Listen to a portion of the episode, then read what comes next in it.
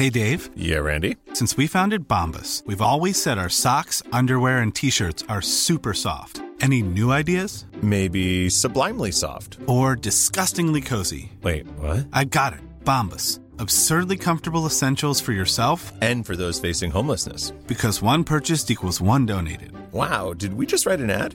Yes. Bombas. Big comfort for everyone. Go to bombas.com slash ACAST and use code ACAST for 20% off your first purchase. Here's a cool fact a crocodile can't stick out its tongue. Another cool fact you can get short term health insurance for a month or just under a year in some states. United Healthcare short term insurance plans are designed for people who are between jobs, coming off their parents' plan, or turning a side hustle into a full time gig. Underwritten by Golden Rule Insurance Company, they offer flexible, budget friendly coverage with access to a nationwide network of doctors and hospitals. Get more cool facts about United Healthcare short term plans at uh1.com. Millions of people have lost weight with personalized plans from Noom, like Evan, who can't stand salads and still lost 50 pounds. Salads, generally, for most people, are the easy button, right? For me, that wasn't an option. I never really was a salad guy. That's just not who I am. But Noom worked for me. Get your personalized plan today at Noom.com. Real Noom user compensated to provide their story. In four weeks, the typical Noom user can expect to lose one to two pounds per week. Individual results may vary.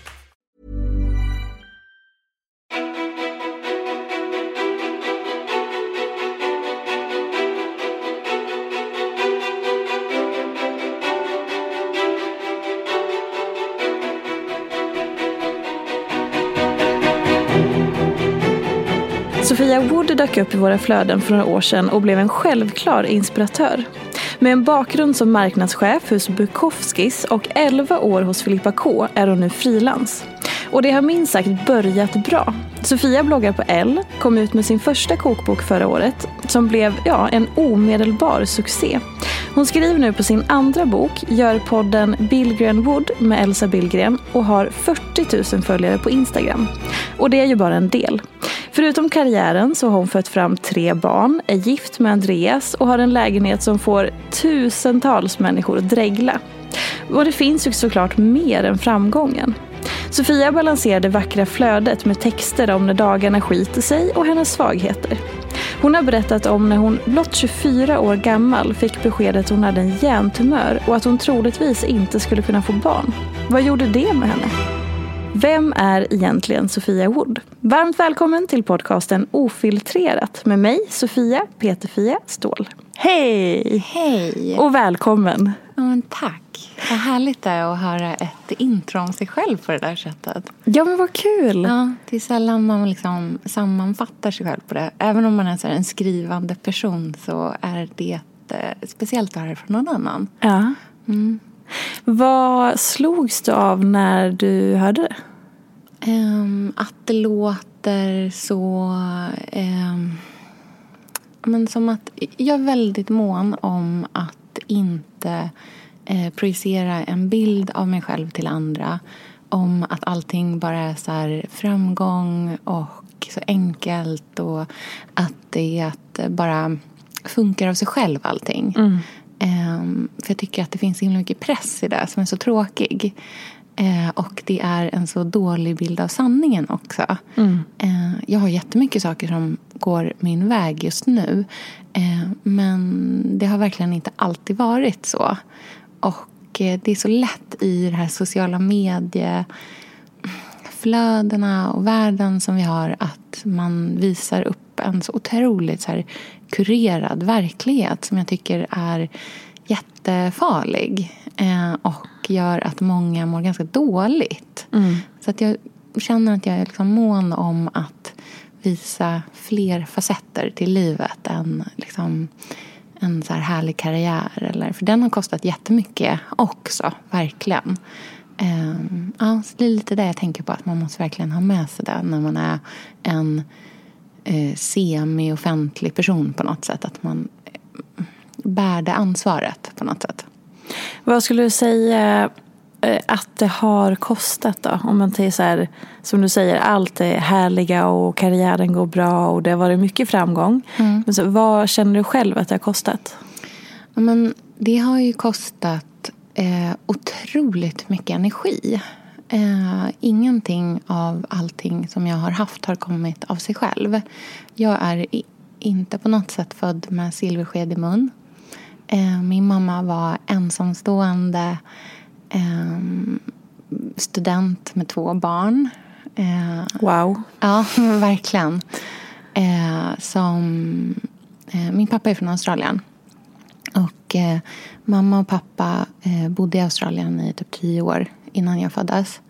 Och sen när de skilde sig när jag var några år gammal så flyttade mamma och jag tillbaka hem till Sverige. och hon började verkligen ett helt nytt liv här då. Eh, I en ny stad som hon inte kom ifrån. Som vi bara flyttade till för att min mormor bodde där då. Eh, och hon läste först upp... Hon hade ju varit hemmafru i 11 år i Australien. Mm. Eh, och var ung när hon flyttade dit. Och hade varit liksom väldigt, väldigt sjuk under sin barndom. Så hon hade jättedåliga betyg för hon var inte så mycket i skolan. Eh, så att när vi kom till Sverige så började mamma plugga på komvux eh, och läste upp alla sina betyg till femmor från ettor. Eh, coolt. Mm, så coolt. och sen efter några år kom min lillebror och hon fortsatte att plugga. Hon blev ensamstående igen från hans pappa också. Eh, läste på universitetet, utbildade sig till lärare, utbildade sig till rektor, började jobba på Skolverket. Alltså hon har verkligen så här, jobbat jättemycket. Mm. Eh, och det är klart att det har färgat mig jättemycket att dels ha en mamma som har varit så eh, kraftfull eh, och som har haft så mycket ehm, energi och verkligen har så plöjt ner jättemycket engagemang i allting som hon gör. Och jag tror att det har för mig skapat en bild av arbete som någonting väldigt viktigt att man engagerar sig otroligt mycket i. Mm. Ehm, men det har nog också gjort att jag har otroligt höga krav på mig själv. Ehm, jag kan ju känna att, och det här är liksom ingenting som mamma har medvetet gjort, men hennes otroliga resa som hon gör gör ju att jag ofta kan känna, till exempel när jag känner mig trött eller så här, att mm. bara, men eh, vad har jag att vara trött för egentligen? Jag är ju inte ensamstående och jag har massor med saker som är så himla mycket lättare i mitt liv än som var i hennes liv. Så jag tror att min liksom, bild av vad som är en normal nivå att hålla sig på um, är väldigt hög. Mm. Och den liksom, arbetsmoralen är ju jättebra. Men den är ju jättejobbig mm. också.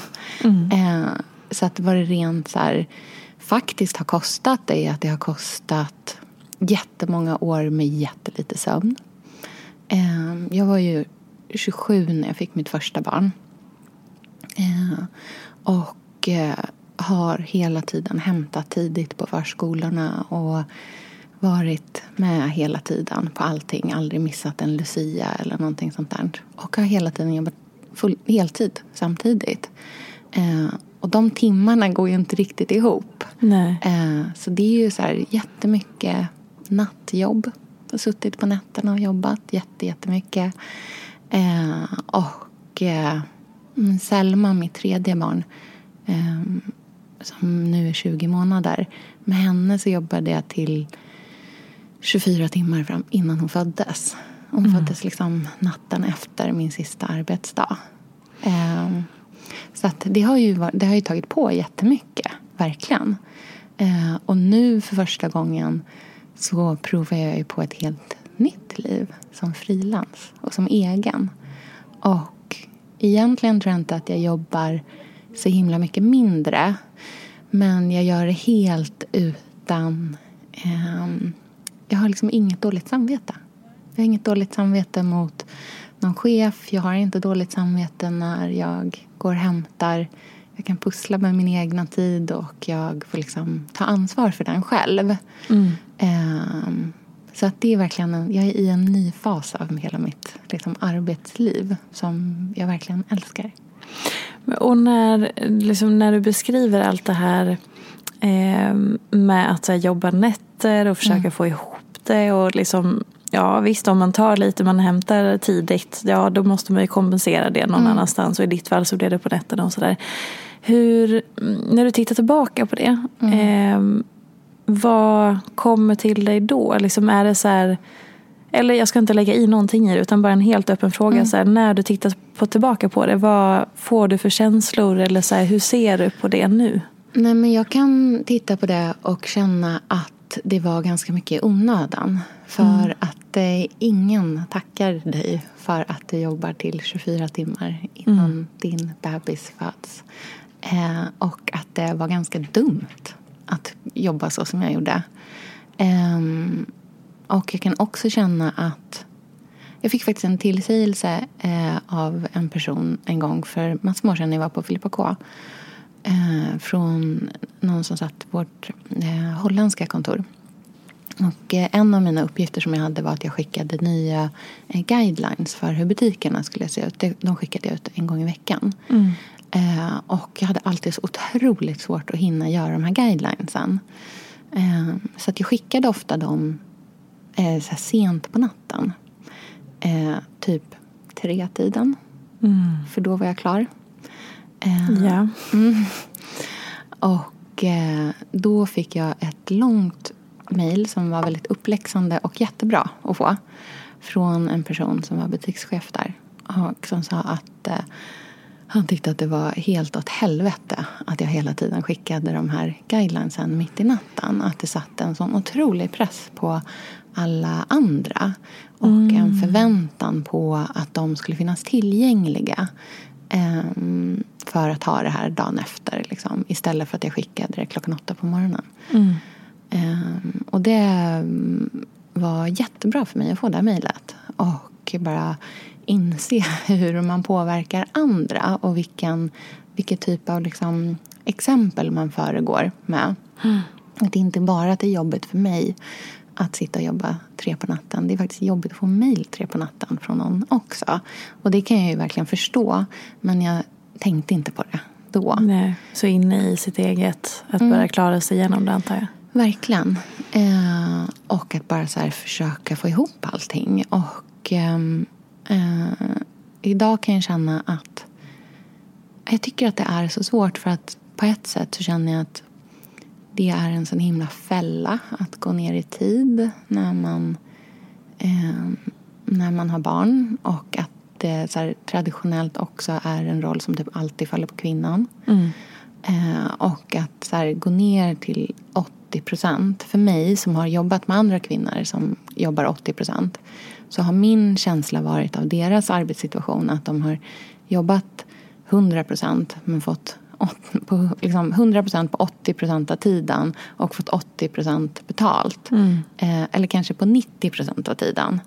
Ehm, och det är också sånt som så här, påverkar ens pension, eh, en semester. Alltså det är så många liksom, faktorer. Det där är så komplext. Jag, har liksom inte, jag sitter verkligen inte på alla svar kring det där. För mig har ju en jättestor del av lösningen varit att sluta vara anställd av någon annan. Eh, men det är ju heller inte ett råd som man kan ge till folk. Så här, allihopa, skriv en eh, bästsäljande kokbok så behöver ni inte jobba på ett företag längre. Alltså, Vad är det för liksom? Det går ju inte.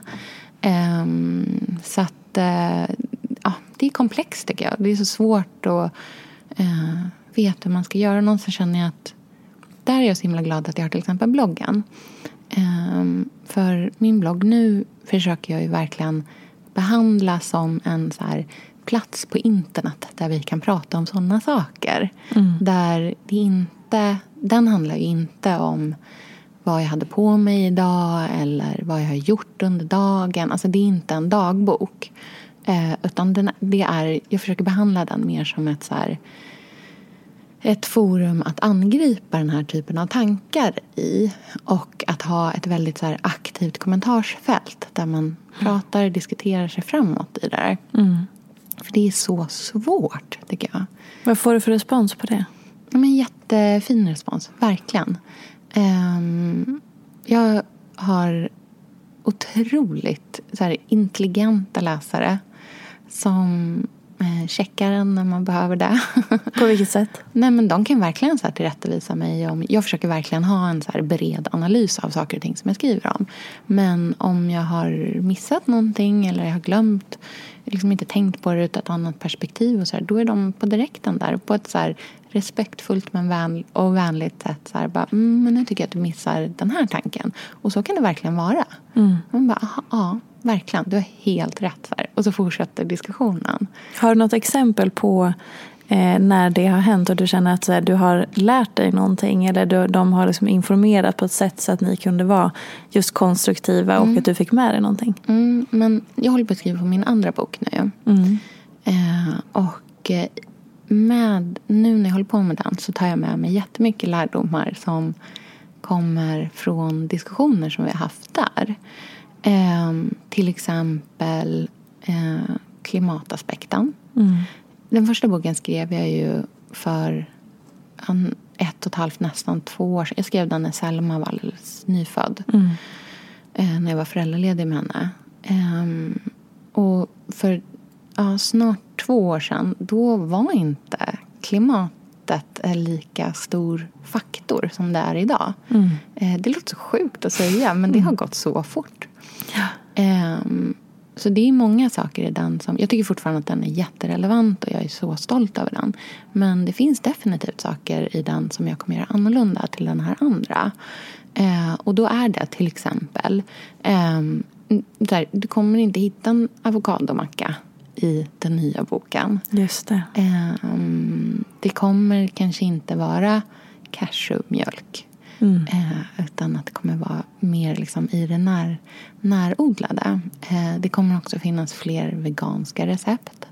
Men också eh, fisk och skaldjur. Så att det blir liksom bredare åt båda hållen. Ehm, och att så här, försöka utveckla där. Och där har verkligen mina läsare varit en jättestor del i det. Att så här, det finns en jättestor efterfrågan efter eh, vegansk mat som är så här, god och härlig mat men inte... Eh, jag tror ju verkligen inte på så här, ersättningsprodukter. Jag tycker Nej. inte att det är så gott. Nej. Helt enkelt. Mm. Och jag tycker att det finns jättemycket goda grönsaker som är goda i sig själva. Eh, och att man kan jobba med dem istället för att försöka göra låtsaskött. Ehm, så att eh, den diskussionen har ju verkligen vuxit fram där. Eh, och det är ju någonting som man verkligen tar med sig in. Finns det någonting som du känner att, eh, att det är liksom, har det alltid varit så konstruktivt och liksom härligt och varmt och vänligt i dina sociala medier? Mm, I mina har det faktiskt varit det. Ja.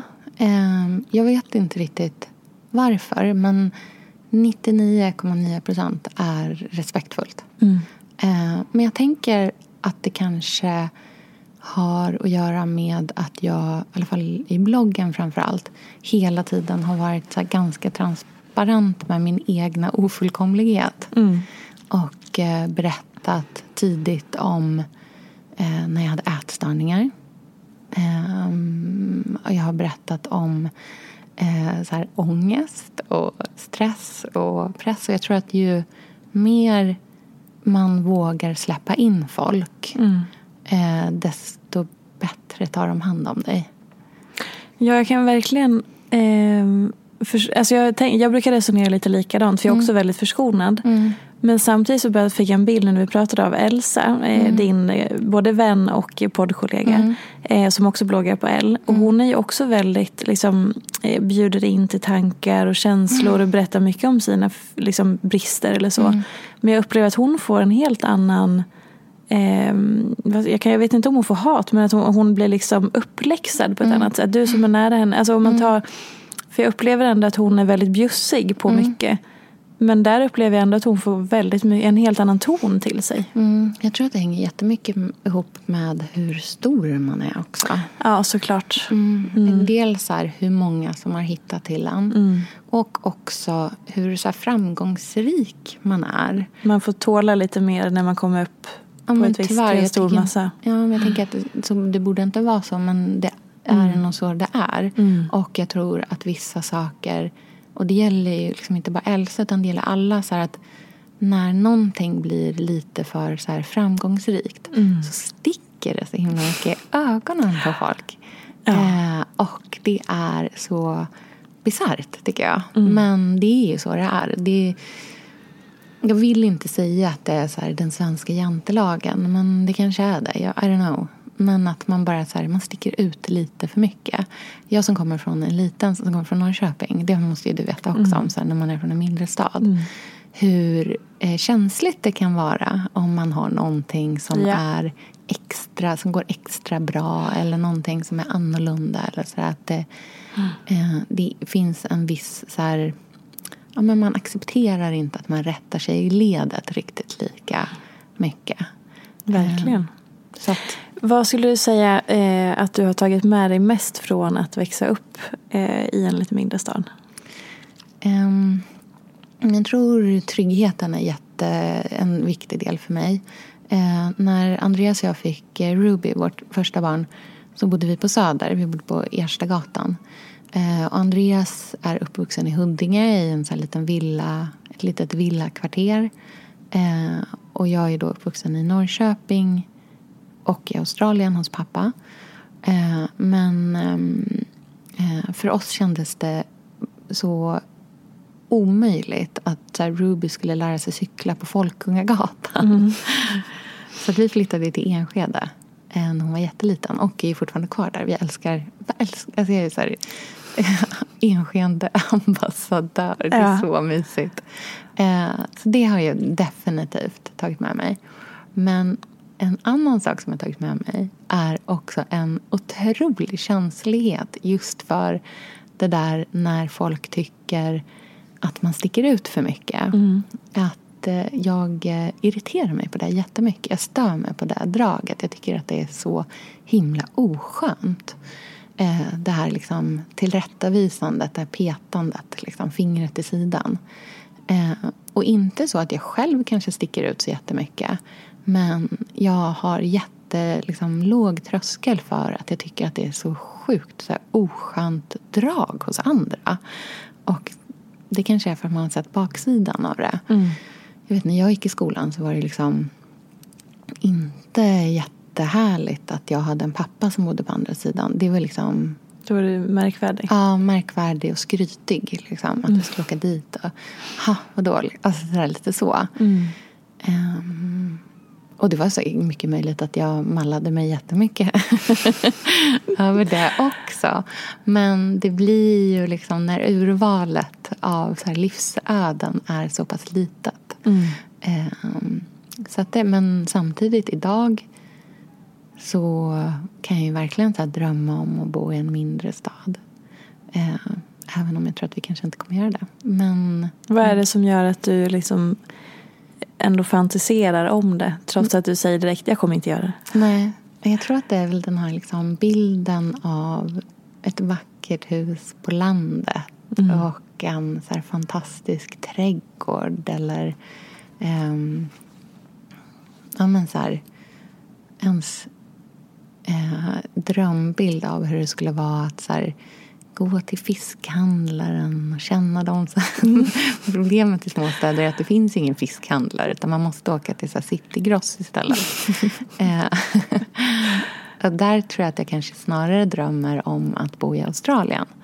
Eh, för där finns det livet. Så det är ju lite min så här, lösning på, på allt det här. Liksom närheten till naturen som jag drömmer om. Ehm, och sen eftersom jag är så otroligt liksom, inredningsintresserad också så drömmer jag ju om ett, ett vackert hus någon dag. Liksom. Tror du att det är hög sannolikhet att ni kommer hamna i Australien? Ja, vi har sagt att vi ska göra det faktiskt. När då? Eh, nej, men vi har sagt, eh, det vi liksom, drömidén nu är att Otis, vår mellanpojke, han är fem, att han ska lära sig läsa och skriva ordentligt på svenska. Men, men Ruby ska inte ha hunnit börja högstadiet. Just det. Det är inte så många år kvar. Nej, så då pratar vi typ kanske två och ett halvt år. Jädrar. Och hur känns det då att... Minst ett år i Australien då. Så att det, det är ändå inte, det är inte permanent ni tänker? Ehm, nej, det är inte permanent. Nej. Utan det är under en period. Min man eh, är eh, tvilling. Han har en tvillingbrorsa. som han är jätte, jätte, jätte, jätte, jättenära. Mm. Eh, så att flytta någonstans permanent, det finns inte på bordet. Nej. Eh, men under en period, absolut. Eh, mm. Och vad känns mest, liksom, för det är ju en grej som jag tänker mig att mass, massa, massa människor Mm. fantiserar om och tänker liksom att det vore så härligt. Men att faktiskt ta steget Mm. kan ju kännas otroligt främmande. Mm. Jag tror för mig så känns det något så främmande. Dels för att jag har ett australiensiskt medborgarskap. Mm. Jag har hela min familj på min pappas sida bor där. Ehm, och att vi har ett hus och att det, liksom, det vore så himla enkelt. Barnen har medborgarskap genom mig. Eh, Andreas och jag är gifta så att han kan bo där och jobba också. Men sen så är jag också så himla, himla rädd för att livet ska gå en förbi. Och att man så inte har gjort de där sakerna. Jag tänker att man chansen att man ångrar det är så himla liten i relation till att man inte testade grejer. Alltså jag är så rädd för att... Jag känner att jag är så här lågintensiv kicksökare. Vilket fint ord, lågintensiv kicksökare. Ja, men jag tänker att man... Jag liksom vill inte hoppa bungee jump. Men jag vill äta alla fantastiska middagar som går att äta. Eh, inreda de mest ljuvliga vardagsrum. A lot can happen in three years, like a chatbot may be your new best friend. But what won't change? Needing health insurance. United Healthcare Tri Term Medical Plans, underwritten by Golden Rule Insurance Company, offer flexible, budget friendly coverage that lasts nearly three years in some states. Learn more at uh1.com. This Mother's Day, celebrate the extraordinary women in your life with a heartfelt gift from Blue Nile. Whether it's for your mom, a mother figure, or yourself as a mom, find that perfect piece to express your love and appreciation. Explore Blue Nile's exquisite pearls and mesmerizing gemstones that she's sure to love. Enjoy fast shipping options like guaranteed free shipping and returns. Make this Mother's Day unforgettable with a piece from Blue Nile. Right now, get up to 50% off at BlueNile.com. That's BlueNile.com. Many of us have those stubborn pounds that seem impossible to lose, no matter how good we eat or how hard we work out. My solution is PlushCare.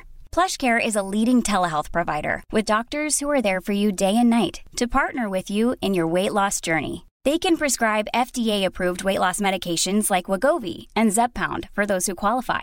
Plus, they accept most insurance plans. To get started, visit plushcare.com slash weight loss. That's plushcare.com slash weight loss. Wow. Nice. What you're hearing are the sounds of people everywhere putting on Bombas socks, underwear, and t-shirts made from absurdly soft materials that feel like plush clouds. Yeah, that plush. And the best part? For every item you purchase, Bombas donates another to someone facing homelessness. Bombas. Big comfort for everyone. Go to bombas.com slash ACAST and use code ACAST for 20% off your first purchase. That's bombas.com slash ACAST. Code ACAST. Men, och jag tänker en annan aspekt då skulle kunna vara att så här, ni har haft den här drömmen. Om vi bortser från att så här, för dig är det ju också att komma hem. Att till exempel flytta till Australien. Men just att så här, nu din karriär har tagit en helt annan riktning. Det går väldigt bra. Det finns liksom väldigt mycket som är egentligen en anledning att stanna och fortsätta liksom, på det här. Eh, finns det någonting i dig som tycker som att den delen är lite så här Oh, ja, men alltså, nu har jag ju börjat bygga upp det här och så måste, att måste vara hemma och vårda det här. Eller, du, förstår du tvivlen som ändå kan komma? Men jag tänker att det är det fina med internet. Att man kan ta det vidare till var som helst. Du har redan skriva- bestämt dig för det här. Jag har redan haft den här diskussionen med Andreas. Det är bra, du har mycket bra argument. Ja. Nej men eh, hur härligt att skriva en eh, sommarkokbok som är skriven i Australien. Alltså, Ja. hur, det kan ju bli fantastiskt. Eh, och eh, framför allt också så här för barnen att få prova att gå i skolan i ett annat land och få ha skoluniform på sig och testa hela det livet och sådär. Jag bara känner att det finns ju det här eh, begreppet eh, third culture kid. Eh, som jag tycker är så spännande. Det finns lite så forskning som är gjorda på eh, barn som har vuxit upp i en tredje kultur. Och det kan vara att man, liksom, ja, man, man, att man bor i ett land som en av föräldrarna kommer ifrån också. För att barnet blir som en tredje kultur i och med att det inte bara är de här två olika. Mm. Eh, och för jag är ju ett sånt barn då. då. Eh, och ehm, eh, jag tror att det, för mig har det verkligen varit en så styrka i livet att eh, ha sett saker ur väldigt olika synpunkt. Och jag tror att det är någonting som jag tar med mig i allting som jag gör. Mm. Eh, jag kan ibland verkligen så få hindra mig när jag skriver texter. För att de blir så oerhört långa för att jag är så mycket å ena sidan och andra sidan. Men sen så finns det den här dimensionen också. Eh, och det så här resonerandet tror jag till stor del handlar om att man har blivit utsatt för väldigt många olika perspektiv mm. hela tiden. Och jag tänker att det är en så fin um, så gåva att ge sina Verkligen. barn. Jag tycker också att vi har en så himla knäpp eh, grej som vi håller på med just nu. Mm. Eh, där vi å ena sidan ska där, debattera jättemycket vi lever ju i en aktivism, mm. en tid av aktivism. Men det är som att det mer är aktivismen än sakfrågorna som vi är intresserade av. Mm. Eh, vilket betyder att man så hoppar på massor med olika, liksom, den senaste aktivisttrenden. Eh, utan att kanske riktigt så här bottna i frågeställningen eller bottna i ens, ens egna åsikt. Mm. Eh, och jag tycker att det syns i liksom hela den så allmänna debatten som till stor del pågår på internet i olika liksom, kommentarstrådar och forum och allt möjligt. Eh, där det är väldigt så aggressiv ton. Och ett så förlöjligande och ett fördummande av mm. varandra. Och det för mig känns det som att alltså så här, det här måste vi sluta med. För att ett, Eh, det är jätteotrevligt. Mm. Eh, två, eh, det funkar inte. För du får inte med någon i ditt argument om du bara är ohyfsad och mm. fördummande när du framför det. Så att om man verkligen är mån om en fråga borde man då inte också vara mån om att eh, få med sig folk i vad det är man menar? Mm. Och det gör man inte på det här sättet. Så det, är så, det är så verkningslöst. Det är som en stor eh, energisvamp som bara förstör allting för alla. Och det är så jäkla tråkigt och omodernt. Ja. För att liksom återknyta till det som jag sa i introt. Mm. Eh, jag läste, du skrev ganska nyligen ett inlägg om det här med att du har haft en hjärntumör. Mm. Eh, och om man inte känner till den delen av mm. ditt liv, kan du berätta lite vad som hände? Ja, Ehm, det var när jag var i min tidiga 20-årsålder. Uh, ehm, och um, hade under en längre period uh, känt att jag var liksom luddig i huvudet. Um, jag hade jättesvårt att så här, typ, komma ihåg saker. Jag kände mig virrig och var liksom, jag hade alltid så 50 fönster uppe på datorn tio mejl som inte var färdigskrivna. Utan du vet, mm. man börjar på en grej och så börjar man på nästa och så gör man ingenting klart. Eh, och höll på med liksom, skrev så långa, väldigt detaljerade listor över vad jag skulle göra och ändå kunde jag inte hålla mig den. Så, så jag kände mig eh, så här, typ sjukt ointelligent mm. om jag ska vara helt ärlig. Eh, ja, och hade liksom, ja, förstod inte riktigt vad som hände. Och sen så började min syn påverkas eh, plötsligt. Och eh, lite som du vet, när man har migrän, att man kan få lite så synbortfall. Mm. Eh, så jag såg ingenting liksom långt ut åt sidorna. Utan det är liksom sido... Om jag liksom håller upp mina händer vid sidan av mitt ansikte så se, nu idag så ser jag ju dem liksom ja. lite grann i sidorna. Och det gjorde jag inte då. Hur, lång, hur, länge, hur, hur lång period från att du började känna dig ointelligent och så här, gud, jag är, det är ja. något som inte stämmer, till att du fattade att så, det här är något fel? Mm, men säg att det kanske gick ett halvår. Ändå ganska lång tid? Ja, ganska lång tid. För det där dumhetsgrejen, den, den kröp ju på. Mm. Det är så svårt att säga precis när det började. Liksom. Men säg att det var ett halvår i alla fall som jag hade så här, men mått lite weird. Jag bara kunde inte riktigt sätta fingrarna på. Också så här, herregud i 20-årsåldern, så svårt att veta hur man mår överhuvudtaget. Ehm, och jag hade ju precis då också så här kommit ur uh, min anorexi och sådär. Så att det var ju liksom ja, en, en konstig tid helt enkelt. Uh, men då med synbortfallet så då insåg jag att så bara, okay, men det är någonting som, är, som behöver tittas på här. Liksom. Mm. Eh, så att jag gick till läkaren, gick till min husläkare och eh, fick göra massa olika prover och, och sådär. Och sen hamnade jag i en så himla dum och knäpp situation med en läkare på SÖS, tror jag det var. Som var eh, jättestressad och jag var jätterädd. Eh, och han hade verkligen inte så mycket tid för mig. Så att han förklarade liksom rent krasst under eh, efter att han fått alla provsvaren att bara så, ah, men du har en tumör som sitter i hypofysen och den producerar hormon och ja, är, är, ni, är du sugen på barn förresten någon gång? Eller bara, ja, jo men det är väl ja, nej, för det kommer bli svårt. Eh, alltså om man inte fixar det här, nej men det kommer inte gå, du har liksom ingen ägglossning nu och så här bla bla bla. Men hur jävla nonchalant. Mm. Och sen bara, ja men tack och hej, vi kommer skicka tid till dig så här. Och sen var det slut. Men Nej, men det blev så tokigt. Så att var jag, du själv i det samtalet? Ja. Åh herregud.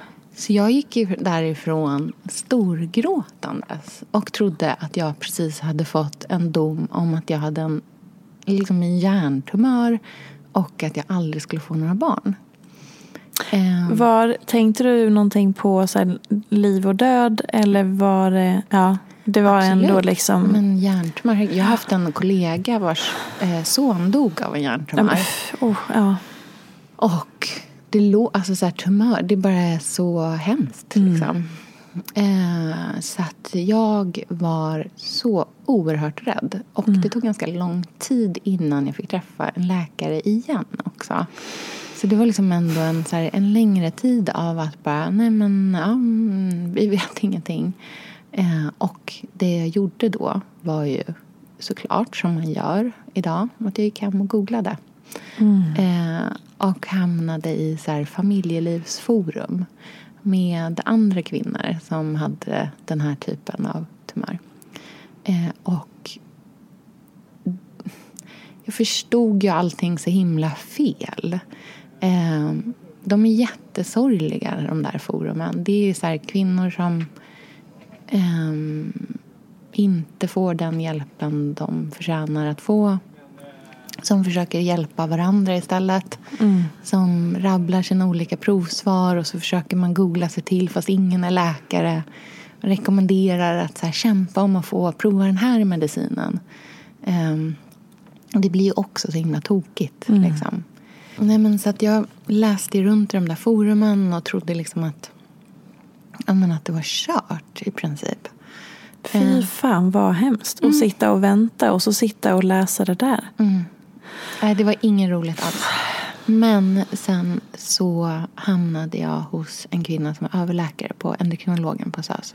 Som var helt fantastisk. Och som var allting som den där andra läkaren inte var. Som tog sig tid att förklara att ett prolaktinom, som den här tumören heter, är en hormondriven hormo- tumör som nästan aldrig behöver opereras. Utan som man eh, behandlar med medicin så att den krymper. Och att eh, det är väldigt god prognos på att man kan bota det här på något sätt. Eh, att det kan ta tid men att hon verkligen var så här superengagerad för att, eh, för att hjälpa mig att bli frisk igen. Så hon var fantastisk. Eh, och vi fick prova alla möjliga olika slags mediciner och de var ganska jobbiga att ställa in. Eh, man mår ganska dåligt av dem.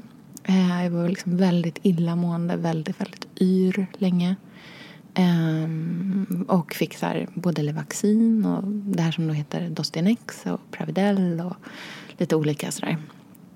Eh, men på ett par år så, eh, och ganska många så här olika eh, syntester och även jättetäta blodprover så gick det att bota helt och hållet.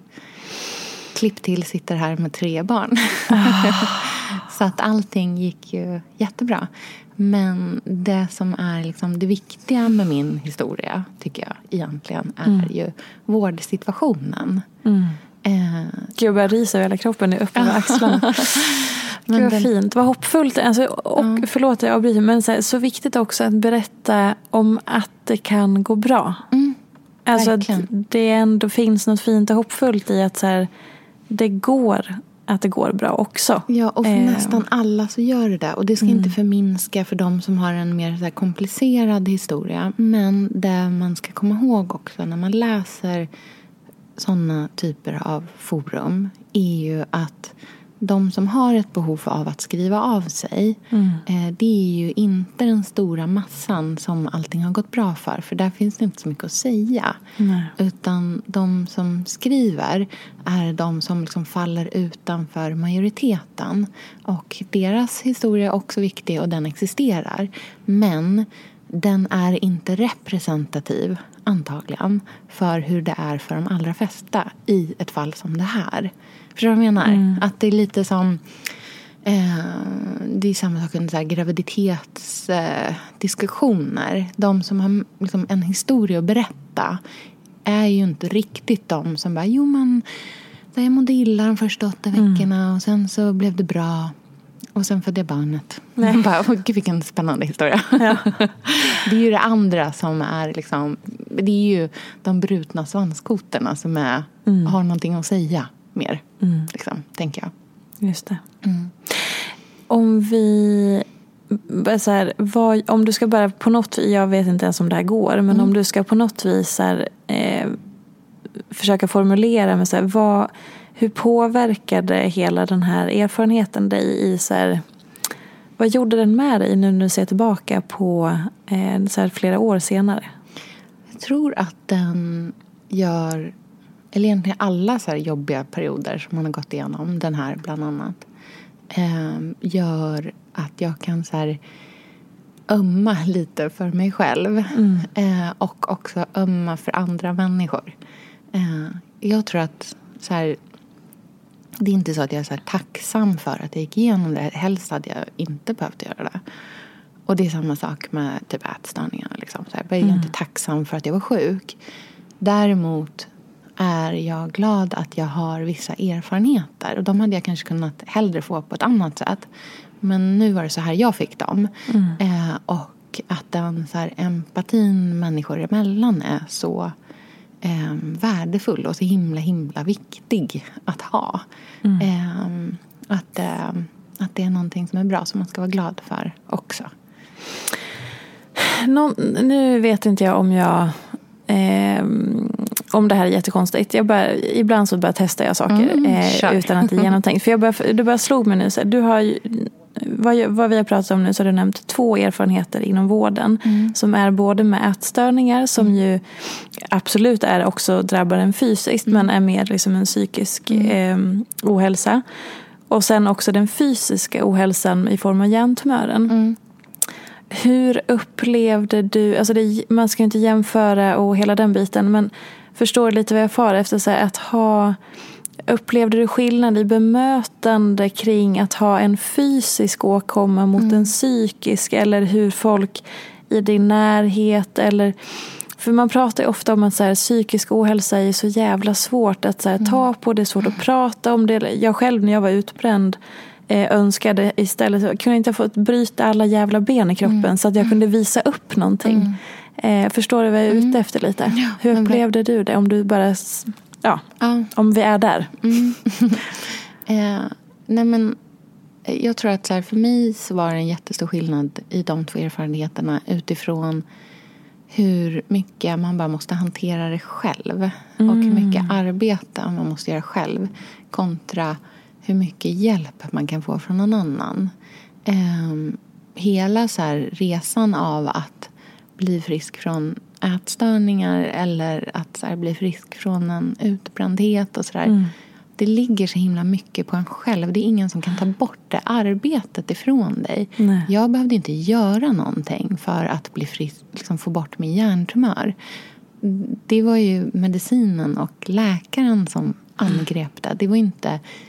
Det är klart att det var jobbigt med biverkningarna men det var inte en ansträngning från min sida. Just det. Eh, och det är så tufft eh, med eh, liksom, mer psykiska åkommor. att arbetet ligger på en själv när man egentligen typ inte orkar det alls. Mm. Eh, och liksom, när, man har ät, när man har anorexi så syns det så tydligt på utsidan. Mm. Eh, så att det är ju ingen som, det går inte att liksom missta. Men i alla fall om det liksom har gått så pass långt. Eh, men det är ju också eh, liksom skammen är ju mycket svårare att hantera. Mm. Eh, också känslan av att så här, vara en högpresterande person som har misslyckats. Eh, för så kände jag jättemycket när jag fick så här, erkänna att jag hade tappat kontrollen över mitt egna ätande. Att jag inte ens klarade av att äta mat. Det var en sån så här, en självförtroendesmäll också. Att inte ha pallat med trycket. För för mig handlade ätstörningen aldrig om eh, det började liksom inte i en, så här, en vilja att bli smal som spårade ur. Utan det var en reaktion på liksom, omständigheter runt omkring som var jättekaosiga. Och maten blev mitt så här, kontrollgrej. Att bara så här, men, om jag bara tänker på hur jag ska äta så lite som möjligt så behöver inte jag tänka på det där andra jättejobbiga som jag egentligen borde ta itu med. Eh, och så tänker jag att det kanske lite är med en utbrändhet också. Om man ser sig själv som en person som är väldigt stark och som klarar jättemycket och som har liksom hur mycket ork som har, behöver inte sova lika mycket som alla andra eller något sånt där. Exakt. Och sen så bara, nej, men alltså jag kommer inte ens upp ur sängen. Jag kan inte ens gå upp ur, alla kan gå upp ur sängen. Jag kommer, Alltså du vet, den, det är en sån självförtroendesmäll. Verkligen. Och den smällen får du ju inte om du blir sjuk. Det har ju ingenting med ditt... Alltså, Nej. det är ju också en sjukdom, men en mer en, liksom, en tydlig fysisk åkomma som inte beror på dig. Som inte liksom innefattar hela människan på samma sätt. Exakt. Intressant. Och jag tänker att det säkert, alltså jag vill inte lägga någon skuld på någon att så här, eh, ma- man gör fel i hur man, men jag bara tänker att det är ju såklart alltid när man kan se och ta på saker så är det lättare att förstå dem. Eh, och även om vi inte ser hjärntumören så är det ändå så här, okej, en fysisk grej i huvudet eller så. Men och jag tänker också så här, lättare kanske att visa empati eh, och eh, omtanke och allt det där för att det är mer konkret, det är någonting fysiskt, man kan förstå det på ett annat sätt. Och det finns inte samma skam kring det såklart. Nej, precis. Och det, jag tror att det är så mycket svårare att veta vad man ska säga när någon har en, eh, liksom en psykisk åkomma eller en psykiskt jobbig period också. Det är så här, vad säger man? Eh, det, är så, det, är, det är också lätt att man eh, kan bli väldigt förminskande. Eh, och det där tänker jag jättemycket på, hur man så här, bemöter folk som är sjuka. Jag har en person i min närhet som eh, är jätteallvarligt sjuk just nu. Eh, och eh, med henne så tänker jag jättemycket på så här, hur man är en bra vän för någon som genomgår en kris som är större än allting annat som finns. Och hur man undviker att säga saker och ting som att så här, kämpa. Eh, för att det liksom lägger så mycket ansvar i det. Och vad händer om man inte kämpar? är det ens just det. fel då? Eller, du vet, det där är så, det är så komplext. Liksom. Så här, Gud, vad hur- svårt. Ja. Och heller inte så här, vara förminskande i att säga saker som att det här kommer du klara. Fast att man vill... Alltså förstår du vad jag menar? Att det är så himla svårt att säga massa saker. Det, blir så, det är så banalt att säga så till någon som är jätte, jätteallvarligt sjuk. Och då försöka vara liksom, hur är man ett väldigt bra stöd för någon som verkligen behöver det. När, det kommer, när det är allvar, när liksom man inte kan, alltså så här, floskler funkar inte just nu. Har den personen uttryckt någonting om att så här, bara säg det här eller du behöver inte säga något eller kan man, kan man fråga det eller blir Jag det tror bara... att man kan fråga det, absolut. Ehm, jag vet att en sak som hon har nämnt, inte i relation till mig, men som hon har nämnt eh, med andra, är att hon också vill prata om det vardagliga. Mm. Alltså att hon vill att jag ska berätta om typ vad folk hade på sig på Ellegalan. Mm. Eh, och att bara för att man är jättesjuk betyder inte att man bara vill ha allt fokus på sig och sjukdomen. Utan att man faktiskt också vill höra om det där som man själv nästan kan så här, typ skämmas över och berätta att bara, "Åh, gud det är så jobbigt. Mathemleveransen kom inte i tid. alltså förstår du vad jag menar? Så här, banala, små, vardag, det vardagliga. Ja. Att det fortfarande är liksom intressant för henne att ens höra om. Åh, herregud alltså. Mm. Och varje gång som man eh, pratar om sådana här saker så påminns man om det här svåra i att så här, ta vara på varje stund. Mm. För att på ett sätt så kan man ju inte ta vara på varje stund. För att då skulle man ju gå runt och vara så här, nu ska jag leva mitt bästa liv hela tiden. Och det är ju inte Mm. det det handlar om. Men att kanske bara den här påminnelsen om att så här, vi får uppskatta det vi har i alla fall. Mm, verkligen. Jag tänker jättemycket på det med eh, barnen. Mm. Eh, det är sån liksom, full rulle hemma hos oss hela tiden. Och det finns liksom alltid någonting att ta tag i. Eh, och hur viktigt det är att så här, låta vissa saker bara vara. Och jag, jag är inte bra på det här. Jag är jättedålig på att så här, eh, låta det vara stökigt och istället så här, sitta i soffan och spela ett spel med liksom, någon av barnen. Eh, för att jag är gärna så där, liksom, uppe och, och mm, mm, bara, eh, men alldeles strax, jag, kom, jag ska bara eh, sned matta här. eh, men jag försöker bli bättre på att så här, sänka mina egna krav på eh, vad jag behöver liksom, för att vara lugn. Jag var faktiskt hos en... Gud, det här blir väldigt... Ja, jag bara känna att jag... Jag var hos en terapeut för några år sedan eh, och eh, pratade om just det här mitt behov av att hela tiden fixa saker omkring, kring, omkring mig. Eh, och jag har liksom, inte med mamma men i andra sammanhang i min liksom, familj och mitt liv haft liksom, väldigt så, höga krav på mig. Att saker och ting måste vara på en viss nivå för att det ska vara okej.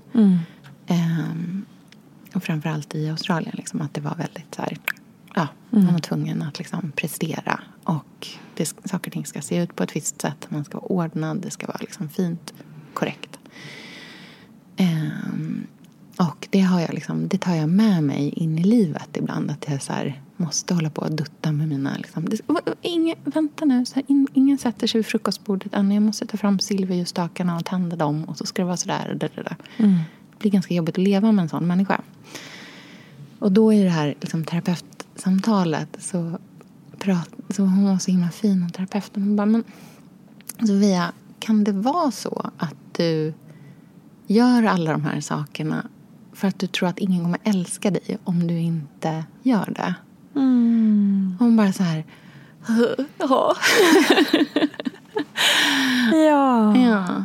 Och då tycker jag att det är så här, då kan jag försöka vila i det att så här, alla i min familj älskar mig även fast att mattan är sned och att jag inte har tagit fram de där ljusstakarna till frukostbordet. Eh, och försöka så här, vila i det istället för att hela tiden liksom, prestera på en annan nivå.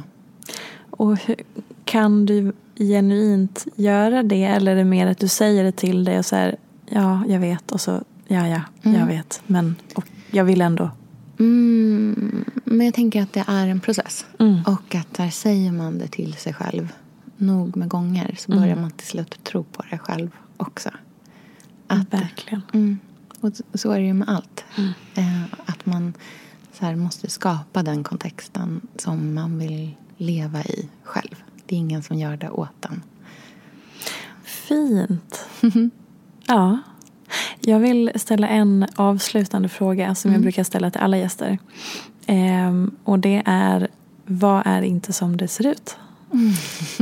och tänk inte efter. Nej. eh, allting är inte som det ser ut. Mm. Allting är så himla mycket mer komplext. Eh, och eh, jag är så himla mycket mer... Eh, liksom, hur ska man förklara det här? Jag tror att jag eh, eh, har en sida av mig själv som är väldigt eh, mottaglig för alla andras kritik. Mm. Eh, och jag får väldigt lite kritik. Men den jag får är typ den enda som jag kommer ihåg. Mm. Eh, jag har så svårt att komma ihåg allt det där glada och härliga. Men jag har jättelätt att komma ihåg det som inte är så. Så att det är nog kanske inte så enkelt som allting ser ut. Fint. Tack. När kommer din nya kokbok ut? Den kommer ut i oktober, så ett år efter första. Har vi ett namn på den redan? Ja, fast det är hemligt. Det är Det, hemligt. avslöjar hela temat. Men, det har, men jag, säga, jag kan säga vad den första hette. Ja. För jag vet att du inte vill säga det, Ja. för det är krånglig titel. Ja, exakt. Sherwood, en kokbok för vardag, vila och fest. Och den är som sagt fantastisk. Den har sålt otroligt mycket av en anledning. Så titta gärna på den i bokhandlar, online och allting sånt. Och följ dig Sofia i sociala medier. Sofia Wood. Finns, du heter ju sofiawood.l.se är bloggen och Till sen bloggen. Sofia Wood på Instagram. Ja, Sofia understreck Wood på Instagram. Och podden Billgren Wood. Precis. Lyssna överallt helt enkelt. Ja. Tack för att du ville komma hit och vi ses snart igen nästa vecka närmare bestämt. Puss och kram, hej då! Följ mig gärna i sociala medier. Jag heter Peterfia på Instagram och bloggar på peterfia.se. Vill du komma i kontakt med mig så gör du det på info.peterfia.se. Jag vill rikta ett stort tack till Acast för studie och stöttning och ett stort, stort tack till geniet Elin Sjödén som klipper den här podcasten.